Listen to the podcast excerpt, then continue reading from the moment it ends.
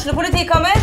Ine Jansen er purk. Er du purk? The motherfucking bitch. Alt jeg vil, er å finne ut hva som skjedde med mannen min. Jon Carew. Er jeg sikta for noe? Iben Akeli. Det er du. Ole So, Lars Berrum og Big Daddy Karsten. Hvem sin side er du på, egentlig? Anette Hoff, Tone Danielsen, Kommer du fra Afrika?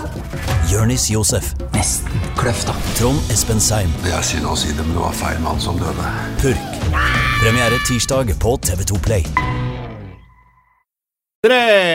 Der har jeg satt på. Torsdag morgen, Jonas Stemme, velkommen. Vi hørte jo ikke at jeg telte til tre, da. Men det ble bare tre! Det var det forferdelig start. Yes. Du, vi er tilbake um, i studio en dag for seint i dag. Ja, fordi vi eh, eh, Fordi vi var på jobb sammen, og da Var det så mye tåke i Trondheim at vi ikke fant frem til det flyet vi skulle ha? Um, Vi hadde det så hyggelig at vi dreit i å ta det flyet. Tok Ja. et seinere fly, og dermed så ble det utsatt. Det, Ja, det ble også utsatt. det ble utsatt, det flyet vi booka om. Ja. Og derfor så rakk vi ikke studio i går. Så derfor blir det Podquack i dag istedenfor. Ja, så nå er klokka 0900 på torsdag morgen. Det er 8. desember, og det nærmer seg jul, Jonas Støme. Og det har vært en overraskelse for både deg og meg at folk sitter så mye i kø på morgenen.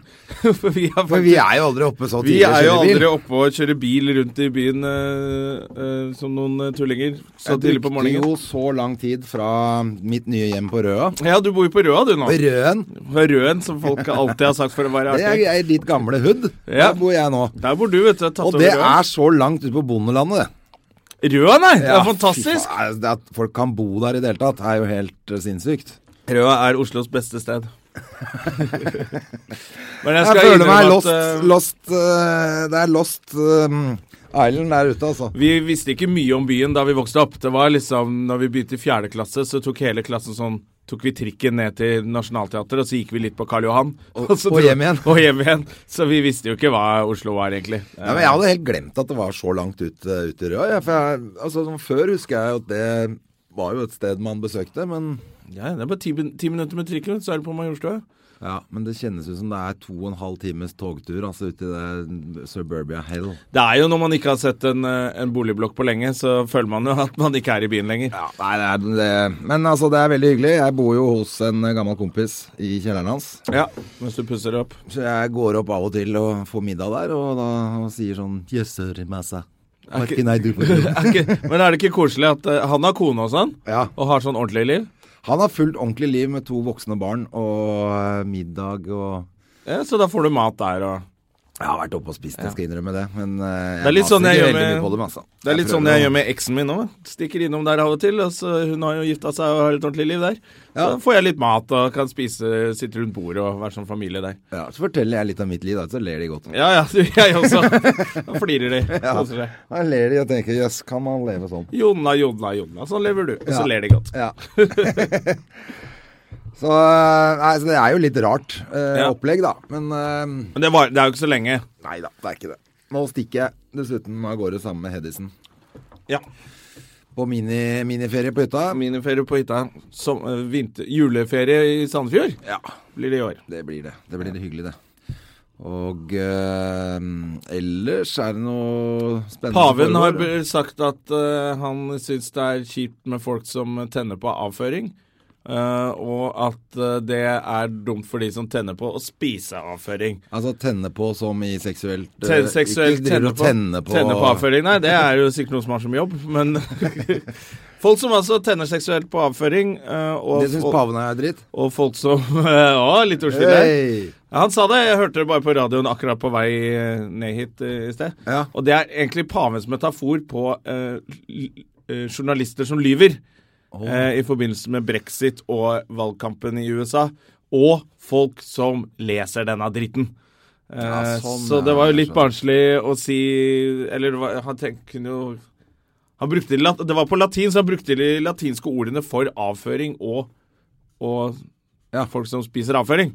Og det var litt, eh, det var litt rart, syns jeg. At han var så bokstavelig talt, da. Og det hørte du på radio. Jeg har jo Det er det siste jeg hørte på. Det er det jeg rukket å få med av nyheter i dag. Ja, jeg har ikke hørt noen ra noe radionyheter, men jeg leste en sak på VG om DAB. Ja. Eh, eller var det, det var en litt kul greie. Det var en fyr i Ålesund som tydeligvis pendla mellom Ålesund og Molde eller et eller annet sånt. Så Ja. han da hadde teipa hvor bra DAB funker på den strekningen. Oh, ja. Og det funka jo ikke i det hele tatt. Nei, så gøy. så, så det lå selvfølgelig på for- forsiden av VG i dag, og da tenkte jeg sånn De får jo ikke redda, eller hva heter det, rydda opp i det der DAB-systemet til 11. januar, når hele FM-nettet skal legges ned. Nei, Jeg har De må jo bare slutte med å tenke at de skal legge ned FM-nettet så fort. Jeg syns det er Altså, da jeg jobbet i NRK, det er jo kjempemange år siden, da begynte de å mase om DAB. Ja. Og så har det vært sånn der DAB også. Når man er med gjest i NRK-program, så får man sånn NRK-radio som er DAB. Ja. Så jeg har jo to sånne DAB-radioer hjemme. Perfekt, da kan jeg få en av det. Ja, det kan du få. Nei, fordi jeg må ha en på senga og en på kjøkkenet. Ah, Men det er jo vært mas om det lenge, og så kommer det jo brått på. Når de skal legge om alle bilene.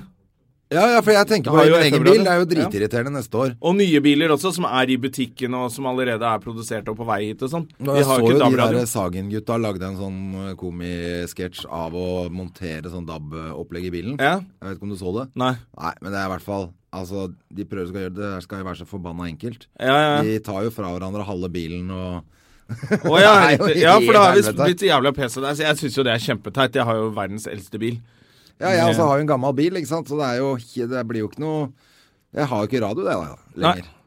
Og de nye bilene, da må du Jeg tror du må le ut med sånn 7000-8000 ekstra for å få inn DAB-radio i, i bilen. Det er helt kokos. Det er tullete. Jeg skjønner Eller jeg, jeg syns det er helt greit å legge over til DAB, men jeg skjønner ikke hvorfor FM-nettet må slukkes. Nei. Og Det skjønner jeg ikke. Og så tenker jeg altså at hvis det DAB-nettet ikke er bra nok, så må de jo vente til det er dekker like godt som FN eller, FM eller bedre. Ja. Men Det FM er jo ganske skjørt, det også. Det er sånn derre Nå er det tunnel, nå er det fjell på begge sider, så får du ikke radiosats. Så er vi i Norge. Jeg har jo kjørt mye rundt i Norge Ja, hvor det eh, det ikke er eh, dekning på radioen. Ja, så er det bare tunneler og fjell på alle sider uansett hvor du er i Norge, så da er det jo selvfølgelig mye spraking. Men jeg, ja, jeg syns eh, jeg, jeg skjønner ikke helt hvorfor det er så viktig å, å slukke FM-nettet. Kan du ikke bare la det Rulle og gå, ja. rulle og gå? Og så begynne å Men så vet du hva som er grunnen til det? Nei. Ikke heller. Sikkert for at vi skal OK, da kjøper jeg DAB-radio, da. Ja, det er bare sånn Det er sikkert sånn der. Få, få oss tullingene til å gjøre det som de vil. Fuck the power!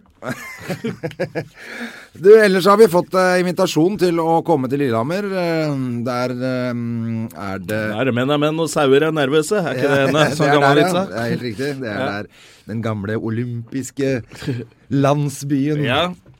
Har vi fått tilbud om det? Ja, vi har, eh, vi har i hvert fall en stående mm, invitasjon til å En dag vi har lyst, holdt jeg på å si. Til å lage livepodkast og ha show der oppe. Jeg tenkte det er jo hyggelig å nevne det. da. Og det er koselig. Ja, det må vi se på kanskje ut på nyåret en gang, Det da. var det jeg tenkte. Kanskje vi skulle rett og slett gjort det. det. Da må vi jo vite at folk på Lillehammer eh, tar på seg hatt og frakk og kommer, da. Folk på Lillehammer er glad i, i show. Det er det. Ja, har ikke vi vært eh, er- Blander jeg med Hamar nå? Hamar og Lillehammer blander jeg alltid. Ja, men Lillehammer er det der um, Nikkers å- og sånn er. Er Nikkers i Lillehammer? Ja. ja. for der er det gøy. Der har jeg vært noen ganger. Ja, det var det jeg tenkte. Mange Men jeg ganger. aner ikke hvor uh, vi er eh, invitert. Men Nei. det er faktisk en fyr som jeg har uh, Ligget med. Uh, Jeg har vært på en intervju på podkasten hans. Oh, ja. Veldig hyggelig type. eh, som heter Justus. Og han, så da sender jeg en liten hilsen til han. Og vi tar deg på Vi tar deg jo opp på den til på nyåret, vi. ja. Ja, men da skal vi gjøre det. Skal vi, det er spennende. Komme Det seg var til gøy, det. Vi trenger å vi har. Det var jo ekstremt hyggelig nå i Trondheim. Du, det var For fin tur. altså. tur. Vi satt jo bare eh, og spiste deilig mat. Og så gikk vi ned og tømte begge minibarene. Det var veldig morsomt. Og kom oss aldri av gårde. et- Etter vi hadde Vi spiste middag, så gikk vi først på ditt rom. Ja. Drakk opp alt som var i minibaren. Og så gikk vi ned på mitt rom etterpå og drakk opp alt som var der. Men da vil jeg gi en liten skryt til Hva, he, hva er det Klarion vi bodde på? Ja. Det er ikke veldig mange ikke hoteller det? som har eh, minibar lenger. Åh, det er så deilig når Og de det Og det var kjempebra. Både eh, vin og Og nøtter og litt sånn For det er når man kommer og har reist lenge eh, Reist lenge, Jesus, der i Norge. Men det er slitsomt å reise, i hvert fall. Og så kommer du inn, og så er det litt tid du, til du skal spise, eller et eller annet sånt. ting. Det å bare ha noen snacks. Ta en cola når du kommer på rommet. Alle de tingene der. Det er De- viktig. Det er veldig rart. Det Så der stor skryt til Klarion. Og er det Stordalen, eller? Nei, Klarion er vel ikke han her? Er ikke det Choice-kjedet? Det Jeg tror det. Choice. Da Fordi det var nesten ikke lys i taket på, på rommene. Nei. Det er dritmørkt på rommet, og da er det Stordalen. vet Og TV-en funka ikke. Det irriterte meg litt. Det er miljø. Stordalen. Men Er det derfor det ikke er TV òg? Ja. Eller altså, TV-en hang jo på veggen, bare ikke noe på den. Ja, sikkert. Det er saklig. Jeg testa ikke mine. Det er litt for grønt. Det Ja, er litt for det blir litt for grønt. Men faen, jeg var i Stavanger på et av de hotellene hans, for det da så jeg ingenting inn på rommet. Så jeg måtte ha opp døra til gangen når jeg skulle kle på meg sånn. For det var så lite lys.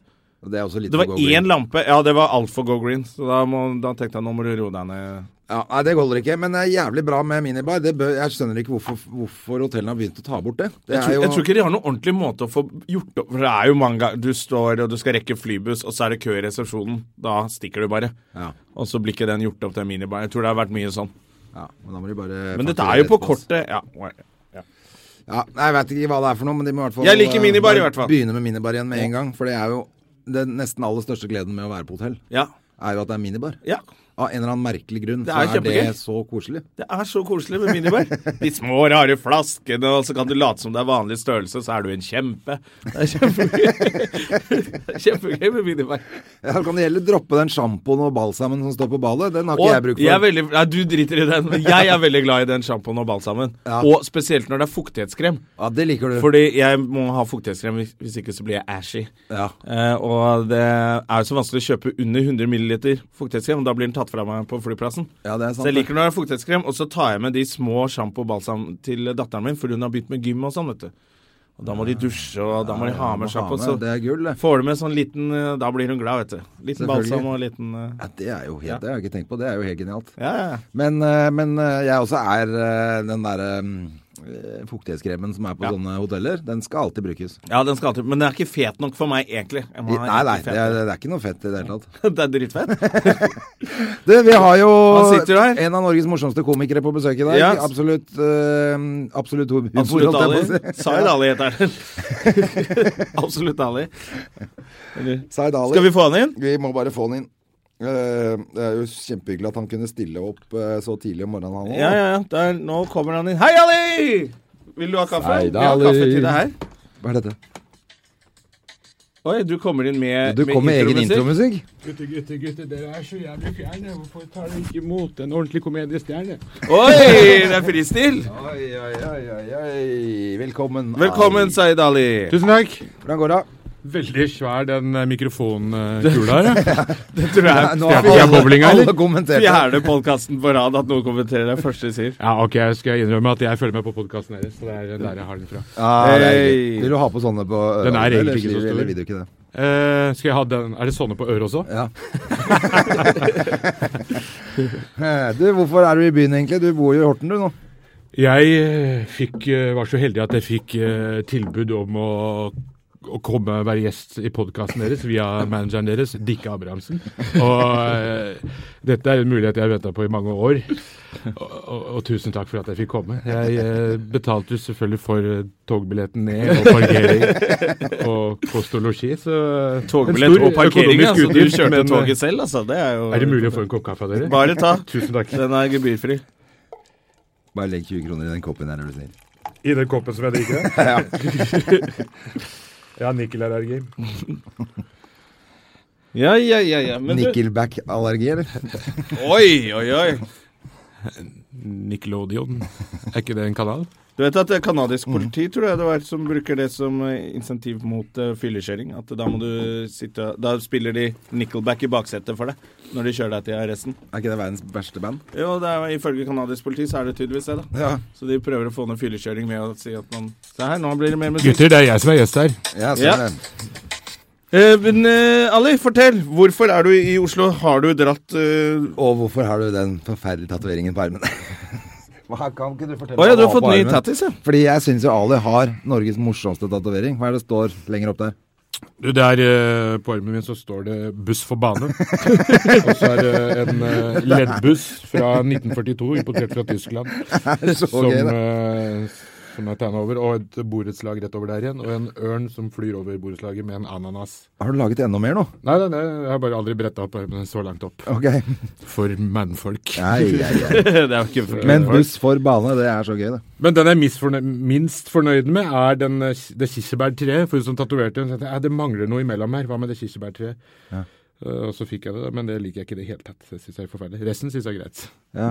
Ja, For det er en ørn der Nei, en ugle der òg. Ugle som balanserer på en line, altså eh, Med andre ord, det er jo ingen stor sak. så det betyr ingenting. nei, Det er perfekt. Men jeg liker ikke folk som har tatoveringer som betyr noe. Altså, Ikke at jeg ikke liker det, men jeg hater det. Men, eh, men at jeg, jeg har ikke noe sansen for sånn «Å, ah, Denne streken her representerer mora mi. Den eh, runde månen her det, det, det representerer gleden jeg har hatt over å ha hatt en far som alltid har vært der. Altså, hvorfor, hvis det er så viktig for deg med de foreldrene, hvorfor tatoverer og minner?» altså, du, Det trenger ikke det, da. Nei, da har du dem i huet. Ja.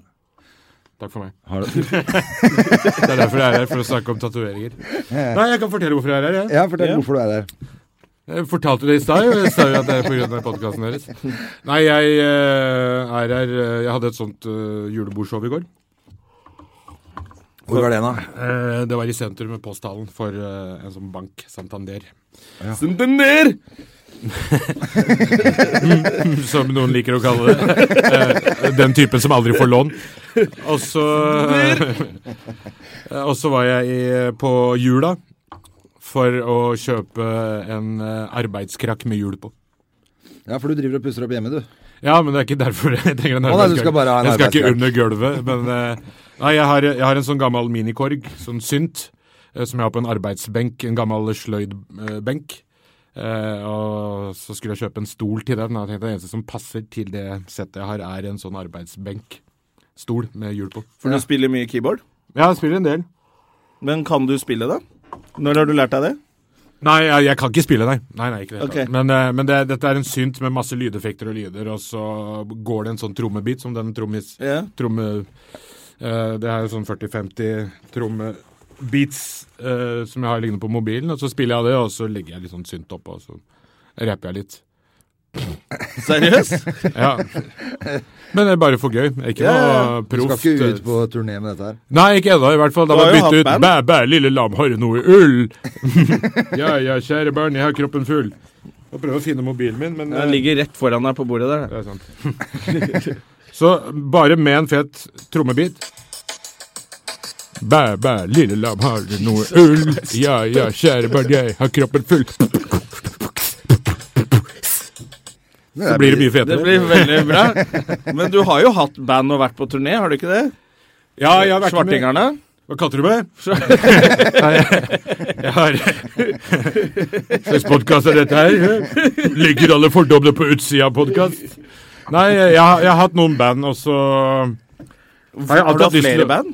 Ja, jeg hadde Svartingerne og Innvandrerne. Og så ja. har jeg vært med i noen sånne teknoband, gjesteartist på noen sånne musikkfestivaler. Musikkens dag og litt sånn.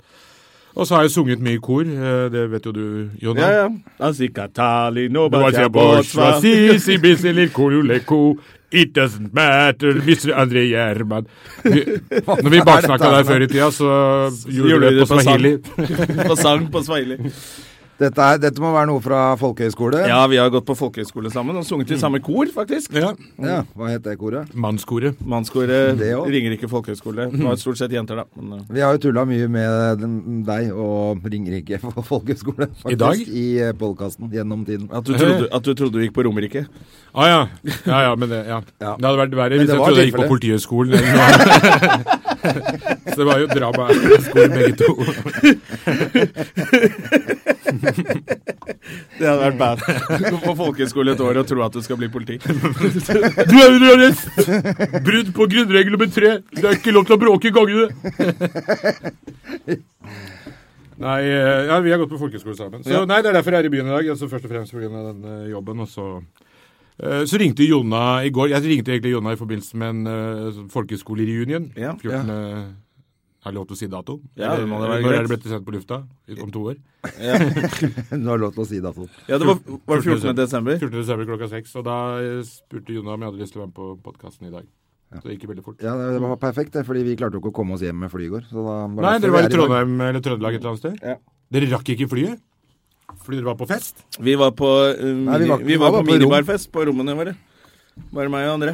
Ah, ja. Men uh, ja, etter vi hadde spist en hverandre, treretters uh, middag med altfor stor vinpakke, så hadde vi lyst til å sitte og preike litt til. Da, Ja, ja, Så det var ikke noe fest. Siden Sånn, dere ikke var hadde bare oss. mikrofon, eh, så kunne vi spilt inn en ekstra podkast. Ja, det- du der må ikke burde kaste bort samtalen deres. tror jeg var greit å Ja. Det kan hende at det er greit å heller Det var bedre kvalitet enn dette her. Lyst til å ha sjangerbrudd. Men eh, ja. Ja, Men, ja, pleier du å ja. ligge over eh, hver gang du har julebordsjobb Nei da. Nei, nå øh, i Oslo? Foreldra mine bor jo i byen, så noen ganger når det er en sein jobb, sånn som dette her, var jeg på scenen sånn halv elleve-elleve. Okay. Og var konferansier. Og da går du, drar du hjem og sover ett. på gutterommet? Ja, ja øh, øh, da sover jeg der, ja. Mm. Ah, ja, så koselig. Så det er hyggelig. Ja. For de bor fortsatt oppe på Nordstrand der? Nei, de har flytta. De har, flytta han til Strømmen. Jeg pleier å møte han Wasim, broren din. Ja. Til strømmen. Ja, de flytta dit i forbindelse med noe investeringsprosjekt, fordi prisene økte litt her og der og sånt. Og så var planen å flytte tilbake igjen til Oslo, men så økte jo prisene i Oslo som et helvete, så nå har de ikke råd til å bo her. Nei. Så nå er de stuck på strømmen. og de er ikke noe glad for å være der heller. Nei, Ikke så veldig De later som har begynt å, å venne seg til det i gåseøynene. Så når jeg spør dem det er jo helt forferdelig. Nei, nei, nei, det er faktisk mye bedre nå. Nå er det ikke så mye trafikk her. I dag var det bare 200 lastebiler som kjørte dit. så tydeligvis følger de med. Men eh, sånn er det. Nei, så jeg er jo der. Men jeg har jo mye av de gamle tingene mine er jo på det nye gutterommet mitt. De gamle eh, tegneseriebladene under senga og lysestakene og sånn som jeg brukte som dildo da jeg var 14-15 år gammel. De tok med alt sammen og bare flytta det til strømmen. Ja. Altså, du har alltid gjort ting annerledes. Tegneseriebladene lå under senga, pornobladene sto i hylla. Og... De var foreldrene mine. Så nei, det, det er greit på strømmen. Tente på dildoene på stuebordet Ja, når ja. du skulle spise middag. Men eh, ja, men eh, herregud, du eh, Det er jo så mye prosjekter. Ali, Ja. har du noen nye? For at Fremmedfrukt, det kommer vel tilbake nå, gjør det ikke det? Eh, ja, det hadde premiere i Oslo, og så har det gått uh, fire uker eller noe fem. Og så reiser jeg på en turné i februar, ut okay. hele året, for så vidt. Og så kommer jeg tilbake Oi. på Latter når det er åpning her. Nå er det jo veldig mange show. Ja. Jævlig mange show, så det er vanskelig å få noen plass, men eh, Ja, På liksom- Latter, tenker du? Ja, eller på tenker du rundt omkring? Ja. Uh, rundt omkring også så er det jo sånn at uh, det er jo plass, men det er konkurrerende show som skal spille uka før eller uka etter. Så jeg har heller lyst til å ha en åpen spiller, altså spille på steder hvor det ikke er noen komikere Ja. uh, som spiller i den perioden. ja, det er jo veldig mange soloforestillinger nå. Når eh, jeg bestemte meg for å sette opp det showet i februar eller mars eller når det var, så, så var det ingen som jeg visste om, bortsett fra kanskje én eller to. Ja. Mens eh, ja, det virker som det har blitt en uh, morsom trend nå, med at alle setter opp show. Ja. Men det er jo fortsatt veldig mange som ikke har satt opp show, som burde sette opp show. Ja. Jeg føler at det er veldig mange feil folk som setter opp show. som meg selv. Trommesolo. som meg selv. En makrell kan bli to becquerel. For dette var jo eh, var vel en feelgood-produksjon. Hvor mye var Thomas Giertsen med på dette showet? Thomas Giertsen. eh, de var med ganske mye, alle sammen. Altså, i, I form av at eh, de kom og så på meg opptre. Så, så det de har gjort, stort sett, er å sette meg opp på ganske krevende spillesteder med veldig få folk. Eh, og det har vært den store krangelen nå. At jeg, "Nei, trenger jeg det? Men det er jo jævlig ubehagelig. Og så har jeg kanskje gjort en 10-20 sånne veldig mindre festlige show med én i salen, to i salen, tre i salen, bevisst, eller bare folk fra Feelgood og apparatet i salen til å komme og se på. Oh, ja. Eh, så, så de har vært eh, mye med Høres nesten ut som du skulle si bare folk fra Filippinene. fra Filippinene. til å ja. synes Det er jeg krevende. Det er krevende jobb, også. Ja, Hvis du killer der, så killer du everywhere. ja, det er sant. Ikke det man sa etter andre verdenskrig? Nei, herregud. faen. Oi. Tusen. Tusen. Kan vi spole tilbake? Ehm, ja, men det, var, det, var det bra, eller syns du det var dumt? Uh, nei, det var kjempefint. Det var bra trening sånn sett, så jeg var jo veldig forberedt til uh, på det var ikke, Jeg hadde ikke noen store nerver uh, på premieren eller de andre forestillingene i forhold til testshowene. Ja. Så nei, de har vært mye involvert, og, og flinke folk. Så nå er jeg i gang med å tenke på show nummer to. Allerede, ja. Ja, men bare tenke på det. Jeg, har ikke, ikke skrevet en setning. ennå. Hvilke andre ting er det du har i baller i luften? Nei, Du pleier jo å ha ganske mye gående hele tida, syns jeg. Jeg har uh, mye TV-ting gående, men det er, uh, de ligger jo inne på forskjellige kanaler. Blant, uh, her på Rubicon også, så tror jeg det er et par prosjekter. Ja. som er presentert, og så venter vi på svar. Men det er TV-greiene er vanskelig å få til hvis man ikke har en kontrakt på kanalene, virker det som. Så er det det å komme opp med noe kul eh, TV-idé som, som de liker. Som de ikke har sett før. Ja, Hva, Ja. hva kunne du tenkt deg å ha sett selv? Jeg, jeg er interessert du... i et sånt sketsjeprogram. ja, Å lage et eller annet sånn sketsjeshow av en eller annen type. Men jeg tenkte jeg skulle snakke med deg om det. Jonna. Right. Det er jo Gjerman. Ja, men Gjerman spiller bare sånn der Nobel og er sånn der sånn. Overklassedritt, ja. Ja. Eller ting. Unnskyld. Snobbe. Det er derfor du har den der gullbelagte mikrofonen også. Ja, ja. Kom fra Nobel. Stemmer det. ja. Det gikk jo kjempebra, gjorde det ikke det? Jo, det var veldig gøy. Nå tror jeg de kommer på Netflix også, rett rundt hjørnet. Å ja. Ja, det er en veldig fin serie, altså. Synd jeg ikke har sett den. Men, eh, men jeg har lyst til å se den samla. Ja. For jeg har hørt så mye bra om den, så jeg klarer ikke å vente en uke til neste episode kommer. Men nå nå, har jo alt gått. Nå ligger den ute. Ja, nå ligger den på NRK. mm, Og så kommer den på Netflix, som sagt. Da Mm. kan du se den når Men siden du lager TV, er det noen programmer du følger med på TV? Som du liker? Eh, ja, men det er ikke så mye norske programmer. Jeg ser på sånne helt vanlige programmer. Sånn eh, Shop eh, og Ja, ja, grensekontrollprogrammer og sånne type. Som, som bare går i bakgrunnen? Reality-programmer, egentlig. Hvor, ja, flue på veggen-type programmer. Mest, Ja. Veldig lite komedie. Jeg tror ikke jeg har sett noen ordentlig komedie. Jeg har sett noen standup-show. Bill Burr og Bill, uh, Louis C.K. Det er det stort sett det eneste jeg ser på. Eller så ser jeg gamle opptak av Richard Pryor og eh, Robin Williams. Eh, går i loop, og det har de gjort de siste 20-25 årene. Ja, det er ganske sprøtt. Veldig lite nytt. Med mindre det kommer noe fra Bill Burr eller Lucy Kane. Ja, det kommer nytt show med Bill Burr snart. Gjør det? Ny special. Den er spilt inn og klippa, Yes. men den er ikke kommet. Uh... Han er eh, ganske produktiv. Ja. Du var jo med på Skal vi danse og sånn. Syns du det var greit? Syns du det var gøy? Jeg tar litt mer kaffe, jeg. uh, ja, altså Det var veldig gøy for publikum, tror jeg i hvert fall. Ja, det, det som jeg har en oppfattelse av, da, som er litt uh, synd at det er sånn, er at uh, veldig mye kleine programmer som går på TV, er jævlig gøy å, å være med på og spille inn. Ja. Som jeg har jo vært med på Carl Co. eh, I Ja, en episode, og hos Martin, som er kanskje de kleineste TV-seriene som har gått på TV noen gang. Men for min del, det morsomste jeg har vært med på.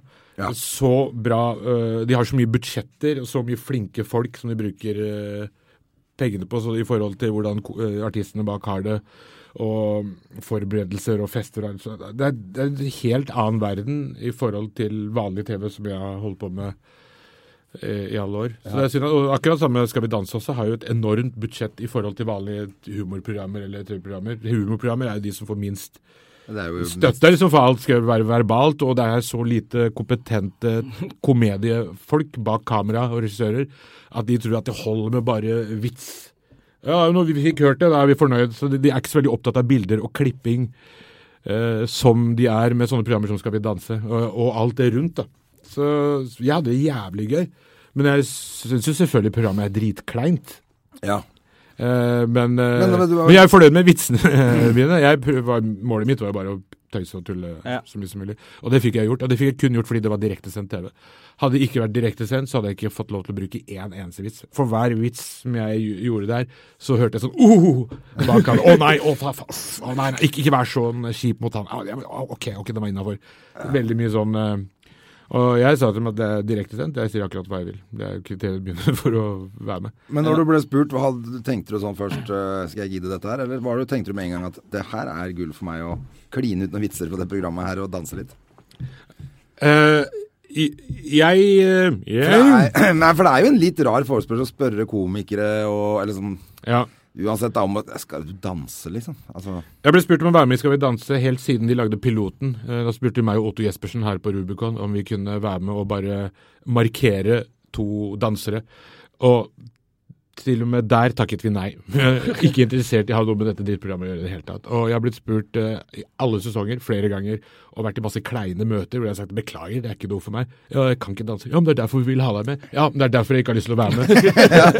uh, og så har jeg også vært veldig sær i forhold til å takke ja til mange andre typer programmer som er i samme sjanger. Reality-programmer og uh, Fyrstjerners middag, som jeg også var med i. Ja, det har jeg også vært med på. Ja, Men så en dag så tenkte jeg at hva faen er jeg Hvorfor er jeg så jævlig redd for å være med i sånne programmer? Er jeg redd for at jeg skal bli avslørt? Å ja, han er ikke så morsom likevel, han. I en sånn setting så klarer han seg ikke. Han, øh, så den frykten for å bli avslørt, det var den jeg liksom ville sette litt på prøve. Hva, Ja. hva er jeg redd for? Jeg tenkte at hvis øh, jeg er en artig fyr, eller hvis jeg tror at jeg er kul, eller, så burde ikke det være noen utfordring. Da burde jeg kunne klare å komme gjennom. Og det var det som var det gjorde du jo òg. Jo, takk. For, fordi det jeg tenker også er jo sånn, Vi har jo sett komikere før som ryker ut i første runde nettopp fordi at de kanskje får litt panikk. At de skal At rammene er helt annerledes da, i Ja. det de er vant til. Og Ja. så blir de kanskje stive eller et eller annet når ja, Ja, jeg var jo med ganske lenge, og jeg kunne ikke danse i det hele tatt. Jeg dansa jo Du ga jo breakdance. full- Jeg ga full full bakke, men det var ikke bra i det hele tatt. Nei, det var jo helt forferdelig dansing, men det var Tusen det som var gøy, da. Men du ga i hvert fall jernet. Du, du, det var ikke sånn at du var flau. Du, Nei, du jeg- gjorde så godt du kunne. Ja, ja, Det ja. var det jeg syntes var kult, da. Og det gjorde jeg for så vidt også i det firestjernersprogrammet. Men jeg bare tenker hvis du først er med som program, så må du gi jernet. Du må ikke jeg- gjøre ja. narr av konseptet og folka. Nei. Så, så når jeg tulla og tøysa, så tulla jeg aldri med dommerne. De slang masse dritt til meg. Jeg var helt stille. Jeg hadde masse ideer på hva jeg kunne si til det, men eh, jeg hadde ikke lyst til å utfordre programkonseptet. Programkonseptet handler om at de er guder, og du er uh, Amatør som prøver deg. Ja, og får du masse dritt, så skal du bare nikke og takke, og så gå videre. Men programlederen derimot, han kan jo si akkurat hva faen du vil til. Ja. Men eh, det er vel ingen som har smilt så mye i Skal vi som eh, han Alex Rosén. Det er det verste jeg har sett. Har du sett noe på det? Nei, nei, jeg har ikke sett på det. Jeg, jeg tenkte at etter at jeg var ferdig med det programmet, at jeg kom til å se veldig mye på Skal vi danse framover, for jeg fikk et forhold til alle de danserne, og hadde et forhold med mange av dem. Men eh, jeg tenkte, nå vet jeg hvordan det er, hvor kleint det er, og hvordan de føler på det, og den eh, biten av programmet, og, og hvor krevende det egentlig er. For det er jo veldig krevende. For du må gjøre mye rart på kommando. I tillegg til å danse, som veldig mange ikke er, for så må du utlevere deg sjøl. Og det er nesten sånn nå må du grine, for nå har vi en sånn trist scene. Ellers så får du ikke nok sympati i neste scene. Fortell om et eller annet. Ah, 'Jeg kan fortelle om bilulykken eh, hvor bestemora mi døde i 88.' Ja, det er bra, kjør på! Uh, men uh, gråt litt her og litt løk. Så, Ai, ai, ai. det, det, det er nesten litt sånn. Uh, og de klarer å klippe og lime det veldig bra, sånn at det ser ser ut som faen at du gidder å snakke om ditt og datt, og hvorfor er det sånn? Men alt er jo veldig nøye regissert. Så det er, det er flinke folk som står bak. Hva var spørsmålet? Men hvorfor? Det jeg lurer på. Du er jo en, du er jo en snål fyr, eh, Ali, som eh, vi er glad i. Men OK. Du, hvorfor er du så lite uh, sammen med andre komikere? Hvorfor er jeg snål? er mer spørsmål. Hvordan snål det? Eh, en fantastisk spesiell type som vi er veldig glad i. Men du er liksom en av de som ikke henger rundt så fælt. I uh, jeg har jo flytta til Til Horten, ja. eh, Ja, men du har jo, Du hele tiden. du Øl i har jo aldri vært der før, heller. Det er den beste meldingen fra alle. Jeg har fått i, fått i 15 år. Øl i kveld. Men nå vet du at den går til 35 andre også. Ja. Den felles mailen til Og, Ali. og neste melding, vær så snill, går også til 35. Nei, eh, Og den tredje. Svar da, mann. Vær så snill. Nei, det vet jeg ikke. Eh, Jeg tror eh, Jeg har ikke peiling. Jeg tror eh, jeg har hengt i en del forskjellige miljøer. Eh, Ikke bare standup-miljø, som veldig mange andre komikere har. Så at, jeg tror veldig mange komikere har bare komikerne som sine venner. Spesielt de som er innflyttere utenbys fra. Mm. Mens for min del så Ikke at jeg har så jævlig mye venner, men ja, jeg har standup noen komikere. Jeg liker å henge med dere. Jeg har jo hengt med mye. Jo André har jo hengt med jævlig mye. Og, det har jeg hengt med veldig mye. Men deg mest! Og deg aller mest! Men mest av alt meg selv. Jeg vet ikke. Litt Jeg var veldig mye ute rett etter folkehøgskolen. Veldig mye ute på byen. Jeg føler at uh, all når jeg vokste opp, så var jeg stort sett inne hele tiden etter skoletid, og litt streng oppdragelse i forhold til hva jeg gjorde etter skoletid. Så jeg fikk ut alt det eh, på folkeskolen. Hæ, endelig mulighet til å gå ut! 13 halvlitere! eh, og militæret. Og det var fortsatt ikke over, så jeg måtte liksom drikke fra meg, feste fra meg. Og det holdt jeg på i åtte-ti år. Og da var jeg liksom ute nesten hver eneste dag og oppsøkte forskjellige miljøer og var innom alt mulig. rart.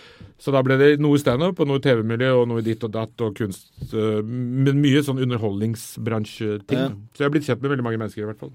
Men er du litt rass... Fordi jeg har jo Rasist, vært, vært på byen med deg før, og det er jo kjempeslitsomt. Ja. For du blir jo utålmodig med en gang. Vi står i kø, kommer inn, så har jeg endelig kjøpt meg en halvliter, og da er du sånn Vi stikker, da! Det er Mm. dritkjipt her. Vi stikker, jeg veit om dritfett sted, og så må vi gå videre. Er du, blir du fort litt eh, lei av folk og ting? Jeg var det mye før.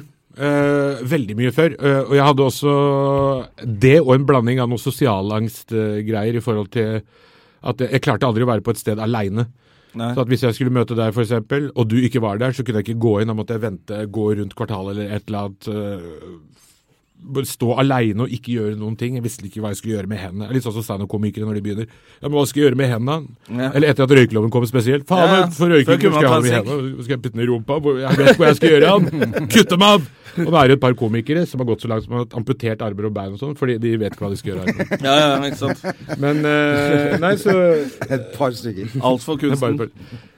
Så det, det var et kjempeproblem. Og det var nesten sånn at jeg måtte ha en annen kompis som var der helt til jeg la meg. OK, natta. Hei, natta, vi snakkes i morgen. Vip, Ha det. Eh, Men det har gått over nå. Så Ja. nå og Gått over veldig. Så nå har jeg ikke den sosiale angsten lenger. Jeg har det i noen settinger. I kleine settinger så blir jeg veldig klein. Men øh, nå kan jeg være på et sted, eh, eller bare være fornøyd med det jeg har. For Ja. fem år siden så måtte jeg gå rett fra den podkasten til en annen podkast, og derfor at en annen kunne ikke sitte i en podkast alene. Nei, men nå har du, også, du har jo kone og to barn og nok å drive med òg, da. Mm. Det tar vel sikkert en del Ja, det av tar den jo tiden som kanskje var litt dødtid før. Ja, ja det er sant. Uh, så nå, nå er det mer at jeg har ikke tid til å være aleine. Det er som når du er på do eller i bilen. Eh, I bilen spesielt, så jeg er veldig glad i å kjøre bil. Og det er også fordi jeg har liksom vært aleine og slappet av. Og gjort akkurat hva du har lyst til å gjøre. Så derfor så liker jeg den avstanden fra Horten til Oslo, som er én time, er liksom helt perfekt. Ja. Så nå når jeg stikker fra dere, så gleder jeg meg til den lange byturen til Horten. Men uh, du pusser opp hus, har jeg skjønt. Det Ja. holder du på selv også? Eller er det bare andre som bygger og holder på? Eller har dere bygd hus, eller hva har dere gjort? Fem spørsmål på en gang. Ja, det var masse spørsmål. uh, nei, Spørsmål jeg, én. vi kjøpte et hus for noen år siden, fra 1920, et gammelt uh, fallferdig hus. Oppussingsprosjekt. Og så uh, kjente jeg noen arkitekter i Oslo. Uh, som jeg også møtte på byen i den der tiårsperioden med Ja. alle mulige slags folk. Og så tok jeg kontakt med den ene, og så viste, tok jeg noen bilder og lagde en skisse på huset og fortalte at dette er et sånn verneverdig hus. Hvordan kan du bygge det tre-fire ganger så stort? Vi hadde stor tomt der. Og så satte vi i gang med en sånn omfattende tegneprosess. skyldte, eller Hun skyldte meg noen tjenester eh, fordi jeg hadde stilt opp på noe greier for henne for noen år siden. og Så fikk jeg den tjenesten tilbake. Så tegna hun et ganske svært, kult hus. Det var innenfor den verneverdige eh, reglene om hvordan det skulle bygges ut. Ja, ja. Og så tok jeg med det til Horten, og så eh, så samboeren min og faren hennes, svigerfaren min, som er en jævlig super handyman og teknisk eh, og ekstremt eh, godt praktisk anlagt, og konverterte det til det huset, holdt på fram og tilbake og tegne litt, og så har vi da søkt og fikk vi støtte, eller ikke støtte, men godkjennelse, så har vi liksom bygd på det huset. Så vi har, det var et hus på ca. 100 kvadratmeter, eller 130, og nå er det vel rundt 400-500 kvadratmeter. Å, Shit. Oi, oi, oi. Så et enormt eh, prosjekt, og vi har holdt på i halvannet år. Og nå er det ca. 20 minutter igjen til det er ferdig. Men det, det høres ut som et slott, av det der greiene der. Mer enn et hus, da. Ja, det, det var veldig krevende, for for min del så jeg, Det var veldig mye ting på en gang. Flytta til Horten var jo litt sånn psykisk eh. Nedbrutt av det. Lite grann. Og så fikk vi en unge midt oppi det, og så kommer det byggeprosjektet. Vi kunne ikke bo i det huset, vi måtte bo hos svigerforeldrene et år. Så du flytta inn til to, to andre voksne To- i Horten. Ja. Mm. Det Og fikk et barn, det er heavy. Ja, ja, og når Ja. du vet eh, at det er en snål fyr, så kan du tenke deg hvor Ja, ja. snål eh, du syns jeg var, eller jeg syns Det er en sånn derre øgle på kjøkkenet Så står han inne i skapet der. og lager lyder. Så, så alt det til sammen har vært jævlig krevende, men, eh, men det stemmer det at det si 20 minutter igjen. Det er, det er et par dager igjen, så er vi ferdige. Yes. Med-. Har du fått deg noen venner i Horten? da? Hvordan er det? Blir ikke Horten litt sånn glad for å få liksom selveste Zaid Ali til å flytte dit? Er det noe sånn Er det du som har hugd huet av Rolf Wesenlund, forresten? De spiller den låta hver gang jeg kjører over Hortens grense. Nei, eh, det, det er veldig hyggelig å være i Horten eh, og bo der. Og det er jo et eh, stort eh, humormiljø der også. Eh, for de har jo Men du har, ja, for du har starta egen klubb der òg, du? Jeg har starta en egen stand-up-klubb. ja. Mm. og, som er veldig godt besøkt. Og så har de et veldig bra humormiljø der òg. De har noe som heter Masken, som er sånn teatergruppe som de har holdt på med. Ja. og De setter opp revyer hvert år, og Rolf Weslund og Grete Kausland, og de, de er jo derfra. Eller var derfra, og de har vært med å bidra til at eh, Men har de funnet igjen hodet til Rolf? Ja, ja, ja. Det er uh, altså Hva var det som hadde skjedd der? For at, uh, Det var noen ungdommer eller en eller annen fyr som har sparka ned eller slått ned hodet til Rolf Weslund med balltre, kanskje. Ja. Og det sto på en stilk. En sånn der eh, kobberpinne. ja, for det var ikke liksom eh, Det var, det var ikke en helfigur Nei, nei, det var, ikke en byst, det var egentlig ikke en byste, det var bare hodet. Det var det de hadde råd til. Det var jo kronerulling, privat initiativ, men jeg tror de private initiativtakerne eh, var litt, opp til, litt for lite eh, troa på at eh, Rolf Wesenlund var en, eller en eh, nasjonal stjerne. Ja, Istedenfor å bare samle inn penger fra Horten, så kunne du bare gått ut i media, brukt litt penger på det, og så fått ut den fra hele Norge. Så kunne du fått det som Selvfølgelig. Med hele kroppen, enn bare hodet. Så når jeg så den statuen, så tenkte jeg det var veldig optimistisk. Rett overfor to-tre utesteder, og det er hodehøyde på han fyren. Og det er, han står på en stilk. Til og med hvis jeg hadde vært drita, så hadde det fristende å sparke den statuen. Ja. Så det forsvant jo to uker seinere. Og, det, og det var såpass kjapt òg, ja. Ja, ja, ja. Det var bare lørdag. Wesenlund, hvor er statuen igjen? Der, ja! ja. Så nå kosta er- 300 000 kroner å lage, og nå har de sendt til huet til Danmark, for det er en dansk kunstner som har laget det, og så kommer det til å koste jævlig mye penger å få den opp igjen og tilbake. ja. Men Så- da er det, i mellomtiden lager du hodet av deg selv og setter det på den stilken? I mellomtiden så har jeg tatt et privat initiativ og fått en sånn kjent graffitikunstner til å lage en Wesenlund-graffiti på en vegg i Horten. Har du det? Sånn, Altså seriøst, eller ja, kødder du nå? 20 meter høy eller noe sånt. Og den eh, kan vise Den er eh, Den kan du ikke gjøre noe med. Og hvis du er en tagger, så kan du godt tagge på den. Ikke noe stress, for det er jo en eh, stor Stort eh, maleri. Skal vi se. Så er det Hva er ditt forhold til Wesenlund og Kausland og disse gamle storhetene? Hater de folka, altså. Yes. Få se. Det er Fleksnes, altså. Dette er bare en skisse, da, så skal det fargelegges. Ja, så kult, det. og sånt, og søke om støtte. Nei, jeg er jo veldig fan av Rolf Weslund, det er derfor Ja. jeg tok det initiativet sjøl også. Ja, ja. ja. Eh, og når jeg så den bysten også, så var jeg litt uh, skuffa. Ja. Så, når, så jeg er veldig keen på å få opp det prosjektet her. Så nå skal vi søke og litt sånn, og få det opp på en svær vegg som er i hovedgata i Horten. Men du er jo en av de kom, liksom, eh, nye komikerne som rakk å jobbe litt med de gamle Du, Du fikk jo jobba med Harald Eide Steen jr. blant annet. Ja, jeg jobba med han. eh, Han var i samme byrå som meg en eh, lang periode, eller et par år. Ja. Så jeg reiste på turné med han og varma opp for han i to-tre år. Så det var jo veldig hyggelig. Og så traff jeg jo Rolf Wesenlund et par ganger også. I forbindelse med noe eh, avis, noen reportasjegreier. Som jeg er veldig glad for, for jeg har bilde av han eh, og meg sammen. Så det syns jeg er litt gøy. Ja, for du har fulgt litt på de gamle Når var det du begynte å interessere deg for når var det? det er det klassiske spørsmålet. Når var det du skjønte at du var morsom? Eh, jeg tror jeg holdt på med det helt siden jeg var liten. Ja. Så når jeg bare uh, gikk på barneskolen uh, Når vi har sånn barneskolereunion innimellom, så hører jeg at de andre elevene eller lærerne prøvde å si at jeg brukte mye tid på å planlegge stunts. Satt og plan, altså at andre folk de ramla av stolen i klasserommet mens jeg satt og planla og ramla av stolen. Ja. Ja. I forkant, og, visste, og hadde skrevet opp et par replikker og kommentarer. Ok, nå kommer læreren til å si det, og hvis hun sier det, så sier jeg ditt og datt. Og hvis han sier det, så sier jeg ditt og datt. Så planla et lite sånn en liten forestilling på to minutter i forbindelse med å falle ned fra en stol. Ja. Men jeg har hørt en story også at du drev og ramla utafor teaterkafeen for å bli oppdaga. Ja, ja, ja. Det stemmer, det. det jeg jobba som telefonselger på, ved Klingeberg kino. Uh, og da leste jeg en eller annen eh, roman, jeg husker ikke hva navnet på den boka er, men det handla om en sånn uh, moroband som hadde lyst til å bli oppdaga. Han snubla utafor uh, teaterkafeen hver dag på vei til jobb uh, for å bli oppdaga på, på sånn morsom måte. Ja. Eh, og så husker jeg så ble han oppdaga en eller annen gang. Eh, og så fikk han en rolle på Nationaltheatret i en stor revy, men da skulle han bare være en sjiraff som sto i bakgrunnen. Eh, men, eh, men det gjorde jeg også. Eh, hver eneste dag i nesten et og et halvt år snubla jeg i den fortauskanten rett over det første vinduet til Nationaltheatret. Og etter hvert så fikk jeg en liten tilhengerskare. For det har noen sånne faste gjengangere der. Folk, men mest teknikere, tror jeg, fra Nationaltheatret som kom tidlig på morgenen og tok en kaffe der eller et eller annet. Og så, med. så ingen med noe makt. Men, eh, og selvfølgelig var ikke stuntet bra nok til å bli oppdaget. Det var mer sånn se på han gærningen der. Ja, ja. Det var ikke da Toralf Maurstad kom løpende 'Hallo, er det deg?' Ære være deg, unge mann! Nei, det, uh, I ettertid så ser jeg at uh, da jeg ble, for de folka som satt på Theatercaféen, en av de eh, faste bytrynene som man ser, sånn der, han faste uteliggeren som driver og ranter et eller annet på Karl Johan, og så er det han der eh, russeren som står og synger opera uten mikrofon på fontena, og så har han andre fjotten som snubler foran fortauskatten.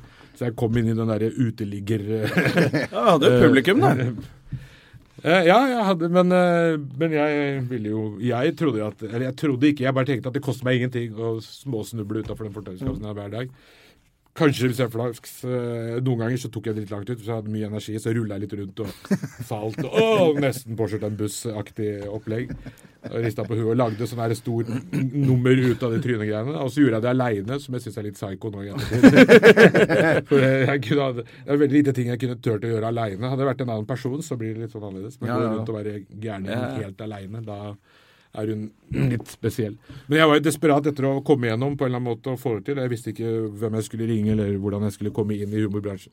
Nei, Så det var hvordan, det ble det, hvordan ble det til slutt, da? Det var vel ute, var det ute i Asker eller på et sånt blå- Onkel Blå på Bekkestua. ja. Det var også i forbindelse med telefoncellejobben min at jeg, vi drev og bølleringte. Vi hadde fått et sånt opptaksutstyr på jobben som eh, vi skulle bruke til å ta opp sånne samtaler til kurs. Og da brukte de mine samtaler, for jeg var flink til å selge. Og så Hei, det er Svein Arild. Hei, det er Svein Arild som ringer. Og da var det Bestemte oss for å bølleringe til Tom Sterry.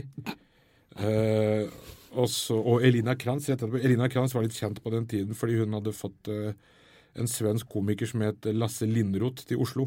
Så hun var mye i avisen i forbindelse med at Lasse Lindroth kom til Oslo. og Da ringte jeg henne, og, og ideen var liksom at jeg ville ha henne til å underholde på mitt julebord. Fordi eh, hun er sikkert jævlig morsom, hun også, siden hun har så mye morsomme folk rundt seg. Ja. Hun var sånn Nei, dessverre. Men kanskje du kan gjøre det sjøl? Å, å, hva, mener du? Ja, du kan jo, du virker som en artig fyr. Kan ikke du prøve deg på en scene, og så får du det til? Så kan du underholde på ditt eget julebord sjøl. Ja, hvordan eh, gjør jeg det, da? Nei, du kan komme til eh, Eller du kan ringe Jonny Christiansen. Å ja. Så fikk jeg nummeret til Jonny, og så ringte jeg ham, og da sa jo han med en gang at ja, bare komme. Hvis du har noe Hvor planlagt var det at, eh, eller ikke planlagt, at du tente på hele bordet på standup-debuten din? Har du sett det? Jeg har sett video, det. Ja, Du setter jo fyr på hele bordet. Ja, På jeg tror bare jeg har hørt historien. Ja. Nei, det var jo eh, Det som skjedde, var at jeg sto på scenen, og så vifta jeg mye med armer og bein, og så var det stearinis bak meg. Som eh, Hadde du ikke en sigg også? Jo, så jeg røyka. Og så var det mye papir og ting på bordet, og så var det noe sprit som eh, rant over inn i det stearinet. og noe flammegreier. Så det var, det, det var planlagt i forhold til at jeg håpa at det skulle skje, Ja. eh, uten at jeg gadd å gjøre noe stort nummer ut av det. For målet var jo å underholde publikum. Men jeg vifta litt ekstra med armen og gjorde litt sånn akkurat innenfor grensen, sånn at det ikke så at det var planlagt. Og så skjedde det, og så tenkte jeg ok, da får det gå som det går. Men jeg visste jo at det var en flamme bak meg. Det var det publikum lo av. De var sånn å fy faen, nå kommer det til å brenne seg snart, nå kommer gardinene til å ta fyr. Så jeg var klar over alt det, og jeg håpa at det skulle bare eskalere og bli verre. Men jeg lata som om jeg ikke visste noen ting, og at de lo av vitsene mine. Så hver gang de var sånn Å, det brenner! Aktig reaksjon. Så booka jeg og takka. Tusen takk, takk, takk. takk. Denne vitsen har jeg skrevet sjøl. så det ble en litt sånn her Twilight Zone-øyeblikk. Et sånt der, et mellomsted mellom latter og reaksjon og frykt for at jeg kan brenne meg. Det var den reaksjonen som jeg spilte videre på. Ja. Men det gikk jo jævlig fort det, fra den der første opptredenen til at du bare slutta i salgsjobben din, eller? Ja, jeg eh, slutta ganske kjapt etter den, eh, det showet. For neste gang så hadde jeg show på uh, Lille Smuget på, eh, i Oslo, på Solli plass. De hadde akkurat begynt med standup. Så da gikk over dit, og så hadde jeg show der. Og så kom jeg inn i Standup Norge, og så begynte jeg å leve av det. Ja. Og hvor lenge skal du gjøre det, holdt jeg på å si? Nei, men, men eh, hva er eh, du, har jo, du sa jo for så vidt du skal ut på turné med showet. Ja, Og så er det noe TV-greier som ligger og venter. Det Ja. blir ikke noe Hellfjord 2 eller Nei, vi Vi har eh, Vi har Vi presenterer jo programmer hele tiden. Men jeg, Hvem er det du jobber med da? Mest? jeg jobber med alt mulig rart, Ja. egentlig. Det er ikke sånn spes- ett team som Nei, nei, nei, nei. Jeg skulle ønske jeg hadde et team. Som var et sånn fast team som man produserte noe sammen. Men, det er, eh, men man merker jo også at når man blir mer og mer eldre og eldre, så blir man jo mer og mer lei av å gå rundt og presentere TV-prosjekter og ideer. og Det er ikke like hyggelig å få nei lenger. Nei, Og så er jo kanskje lineær TV enda vanskeligere enn noen gang. Ja, Pluss at eh, så ser man jo alt det drittet som går på TV. Det er utrolig mye dårlige programmer, og de får jo de programmene fordi de er på kontrakt. Jeg virker som mange av de gamle sjefene også har den samme innstillingen som jeg har, i forhold til at de er lei av Å si nei. Uh, ja, eller bare, ja, det gikk ikke så bra. Ja, men det går greit. Hold på en sesong til. Jeg går av med pensjon om to år, så er vi ferdig. Det er, hvor viktig er det? Like, like, like. Spesielt eh, NRK-type kanaler og sånt, hvor det er jo samme faen om det går bra eller dårlig. De tar jo programmer som går bra og tar av lufta, fordi nå har de sett nok. Seerne har sett nok. Vi er fornøyd. Sånn som vi gjorde med Himmelblå, blant annet. Så Det gikk jo dritbra, og så tok de av. Nei, nå er jeg ferdig. Ferdig med Himmelblå. Hellfyr også gikk kjempebra. Vi hadde jo nesten en halv million seere. Men det, vi likte det veldig godt. Så takk for innsatsen. Lykke til videre. Ja. Uh, og man ser også på TV Norge og TV 2 og så er det programmer som skjønner ikke hvordan de er der. Og så ser man at ja, de har kontrakt, ja, så de bare lar ting gå. Ja. De gamle sjefene blir eldre og eldre, og man har ikke lyst til å Nå blir de ikke så gamle i TV 2 akkurat nå, da. Nei. Nå ser det ut som det, det, det ruller litt hoder. Ja, det gjør det. Så, så for min del så er interessen mer og mer på standup nå enn før. Men eh, jeg merker at jeg føler at jeg må jo ta meg sammen. Jeg kan ikke holde på sånn som jeg har gjort i alle år. Jeg må liksom ta standupen litt seriøst og virkelig sette meg ned og jobbe ordentlig med det, enn å surfe. Ja, jeg tror ikke det gjelder litt fordi at det er så jævla mange folk som driver nå også. Så man må liksom følge Ja, med. ja, og det er mange seriøse folk også, og, og spesielt den kombinasjonen av dårlig talent og seriøse folk, Ja. hvor de da det, de, altså, det er jo en kombinasjon av Å være en bra komiker er en kombinasjon av å være morsom og være et arbeidsjern og kreativ og tre-fire andre aspekter. Kanskje ha et bra businesshode også. Du setter det sammen, så blir du en bra komiker. Å bare være morsom holder ikke i lengden. Det er det veldig mange, eller, eller en del komikere som er ganske høyt oppe i gradene, som ikke er noe særlig morsomme, men er arbeidsjern og produktive øh, og flinke til å selge seg selv. Så hvis man skal komme på et noenlunde nivå, så må man i hvert fall jobbe som faen. Og være mye mer Reodor Felgen øh, her i Norge enn veldig mange andre land. At du må øh, Hvis du føler at noen under deg eller ved siden av din partner gjør en dårlig jobb, så må du gjøre den jobben sjøl. Hvis du ikke gjør det, så kommer du ikke noen vei. Kan liksom ikke sitte og klage. Jeg har jo brukt mange år på å sitte og klage på andre folk at de ikke gjør jobben. Jeg har skjønt nå jo at uh, det er ikke det det handler om. Vi bor i Norge, det er fire millioner innbyggere. Du kan ikke lage Beatles. Du finner en bra bassspiller, kanskje en bra trommis, men å få en eh, bra vokalist og låtskriver også, det, du må gjøre sjøl. Men, men eh, var det litt mer party også før? Vi har jo reist sammen, vi. Ja. Det var jo bare tøys og tull. Ja, det har vært det. Har vært det Mens se, de nye nå som kommer, de er jo mye mer liksom, de, er- de er seriøse, da. Veldig seriøse og har en idé om hva de holder på med. Og hvis du spør en eller annen ny fjortis som kommer nå hva, hvor, er, hvor ser du for deg selv om fem år, så har de en klar plan på hvor de skal være, hva showet skal hete, Ja. og hvilken retning de skal ta. Hvis noen hadde spurt oss på den turneen i 2007 hvor vi var om fem år, så hadde vi bare begynt å le og sagt jeg vet ikke hvor vi er neste uke engang. Nei, plata kanskje. Ja. Så, vi har hatt det veldig mye gøy og moro. Eh, ja, altså, man skal jo ikke Man skal jo ikke liksom Jeg vet ikke hva som er best. Det. Det er litt. I hvert fall for min egen del like inne i den bransjen for å ha det gøy. Ja, ja, ja. Ikke for å være businessmann. Men jeg skjønner jo nå at uh, man kunne kanskje vært litt mer seriøs enn det ja. man var i starten der. Ja, det kunne man sikkert, men jeg syns jo også at uh, det er Hvis, hvis, hvis all standup skal være sånn flinkiser, generasjon perfekt, som setter seg ned og jobber og har den planen og sånn, så blir det jo jævla kjedelig. For det er jo ingen av de som er de morsomste. Nei, De morsomste er jo stort sett tullebukker, Ja. syns jeg. Som ikke har de der ferdigskrevne 1, 2, 3 punch hele veien og eh, Ja, og, ja, Som passer må si kontroversielle at- temaer, men som alle kan svelge og sånn. Det er gøykjedelig å høre på. Men eh, det er jo det som er gøy med gjesten vår i dag. Det er jo at du er forbanna morsom. Altså Det er jo ikke bare sånn sette seg ned og skrive gøye ting. Du er jo morsom ellers også. Og det er jo ikke, det er veldig mange komikere som jeg ikke ler av backstage. Altså De har laget seg et sett som de kan fremføre. Men du er jo bare jævlig morsom. Du kan, du har jo, kan jo være morsommere, egentlig. Det, det som kalles funny bones. Ja. A pile of Det funny er jo bones. få jeg har ledd så det mye av når man har vært på tur. Det er jo et stort, langt show, liksom. Takk. Alltid hyggelig med lite Der ble Zaid målløs. ja. Du ble litt flau du når du fikk uh, litt Eller, komplimenter. Var det Hva er riktig å si? Nei eller jo? Du er ikke så glad i å få komplimenter? Jo da, det er hyggelig, det. Men jeg, er litt sjenert uh, type. Eh, tusen takk. Det, det er hyggelig å høre det. Ja, det var gøy. Det skal vi gjøre mer, altså. Du er jo veldig pen også, du, Alim. Er det mulig å få mer kaffe? Med sprit i. Ja, hva skal du i jula, da? Eh, jula, så Målet med den oppussinga nå begynner å snevre seg inn mot jula. At vi vil at, eh, at huset skal være helt klart til da. I hvert fall eh, der hvor gjestene skal gå. Ja. Det er en del jobb som gjenstår i gang og trapper og litt sånn. Men, Skal du ha hele familien, mor og far kommer til Horten og sånn? Ja, ja. Vi tror får en 1920 Oi. gjester. Så Det, det er bare det søskenet det er bare fra bordsida. Ja, foreldrene mine kommer jo, så det er, det er veldig få slektninger fra min side. Jeg har jo bare mor og far og lillebror i Norge. Ja. Har du mange i Pakistan? Er det- Nei, Guantana på B, der sitter Guantanamo Bay. Jeg har veldig mange i Pakistan, og så er det veldig mye i England. Stort sett alle i England nå, som har flytta okay. dit. Ja. Men uh, fra Thereses side så er det jo selvfølgelig hele slekta. Har de stor mennesker. familie? Ja, de har stor familie, og så bor jo alle i Horten, selvfølgelig. Stort sett. Ja. Og så det blir det kleint å ikke invitere alle. Ja. Møter dem på kafeen tre dager etterpå. Men da er det kanskje ikke ribbe som står på menyen? Eh, Nei, det blir nok pinnekjøtt. Ja.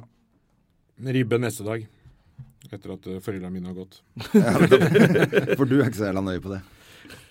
Jeg er mest Du er jo Mr. Bacon Crisp, du. Eh, Er det mulig å spole tilbake? Nei, jeg, jeg er veldig glad i pinnekjøtt. Ja. Så, eller veldig og veldig. Jeg, jeg foretrekker pinnekjøtt i jula enn mye av det andre. Jeg er helt enig. Så Jeg syns det er godt. Hvem er det som lager julematen, da? Er det deg? Eh, nei, jeg- men jeg, jeg må skrelle poteter og litt sånn. Og, Ja, du gjør sånne ting, ja. ja, ja. Men du er ganske god til å lage Du er god til å lage indisk eller pakistansk mat, da. Jeg lager vært, mye eh, pakistansk mat, ja. Mm. Ja, for jeg har vært hos deg og spist Mat.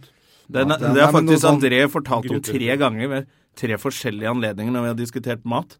Så har den historien alltid kommet opp at Zaid lagde så jævla god mat. Ja, det var jævlig bra. Men det, det var helt fra bunnen sånn. Det var ikke sånn noe tullegreier. Du kjørte ordentlig opplegg. Brukte jo flere timer. Vi Ja, jeg lager veldig mye mat. Uh, sovna vel på sofaen et par ganger før den maten var ferdig. Ja, for for jeg hadde råhypnol i drikken deres. det er derfor det gjorde vondt i rumpa tre gangene.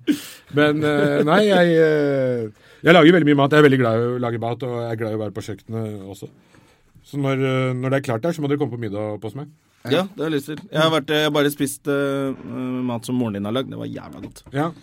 Det er jo hun jeg har lært å, å lage Ja. mat av, så det er, det er jo følger de samme oppskriftene som hun, pluss et par nye ting. da. Mora mi er ganske og som veldig mange førstegenerasjons innvandrere, de lager mat på en bestemt måte. og Selv om du presenterer nye ting for dem, som fløte og rømme, og sånne type ting, så er det sånn Nei, det er sånn Det jeg skal skal lage det. sånn. Og de forstår ofte ikke helt prinsippene bak hvorfor du har i ditt og datt heller. Det er bare sånn skal det gjøres.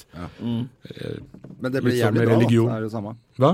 Det blir jo jævlig bra, så det er jo Ja, helt ja. topp, det. Eh, Min fordel er at jeg er jo veldig åpen for forslag, så jeg har den eh, grunne ideen som kommer fra mutter'n, og så kan jeg legge til eller ta av etter hvert sånn. Så jeg er mer opptatt av hvorfor de tingene skal være i maten, så at jeg kan liksom, begynne å lage andre retter og lage liksom crossover-ting.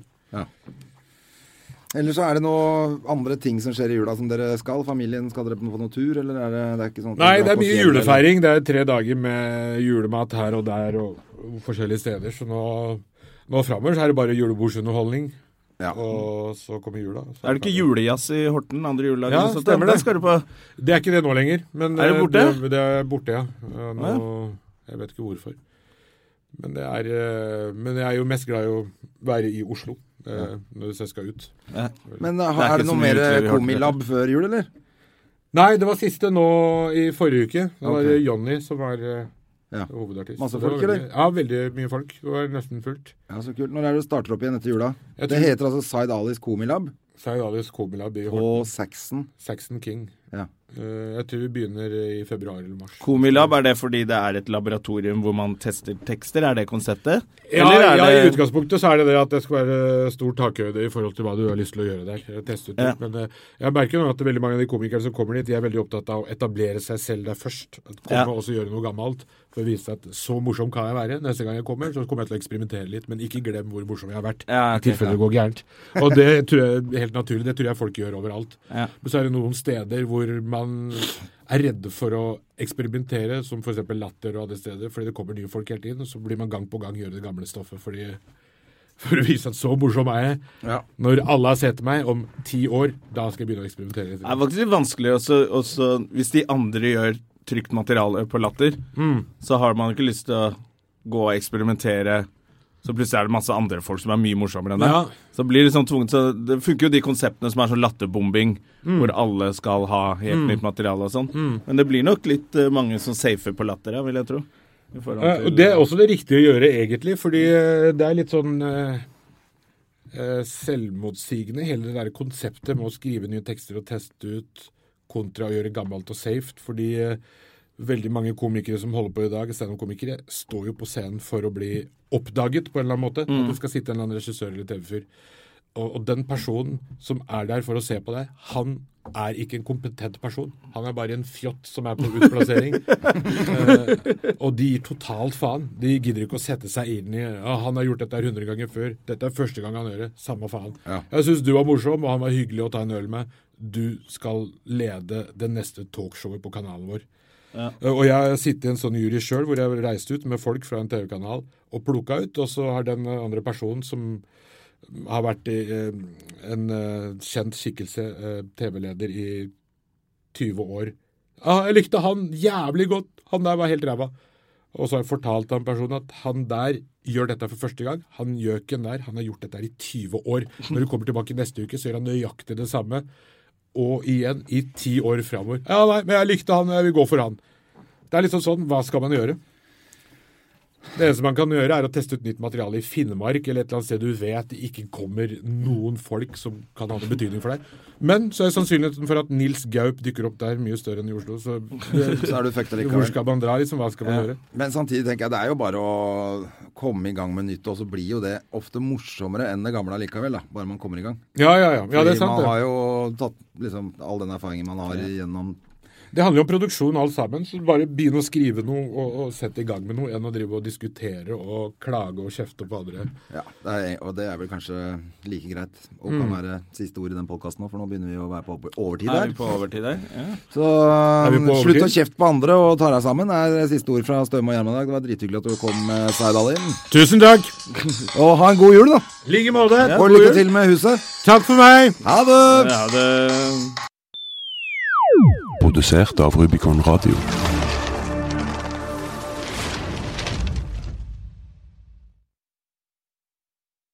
Har du et enkeltpersonforetak eller en liten bedrift? Da er du sikkert lei av å høre meg snakke om hvor enkelt det er med kvitteringer og bilag i fiken, så vi eh, gir oss her, vi. Fordi vi liker enkelt. Fiken superenkelt regnskap.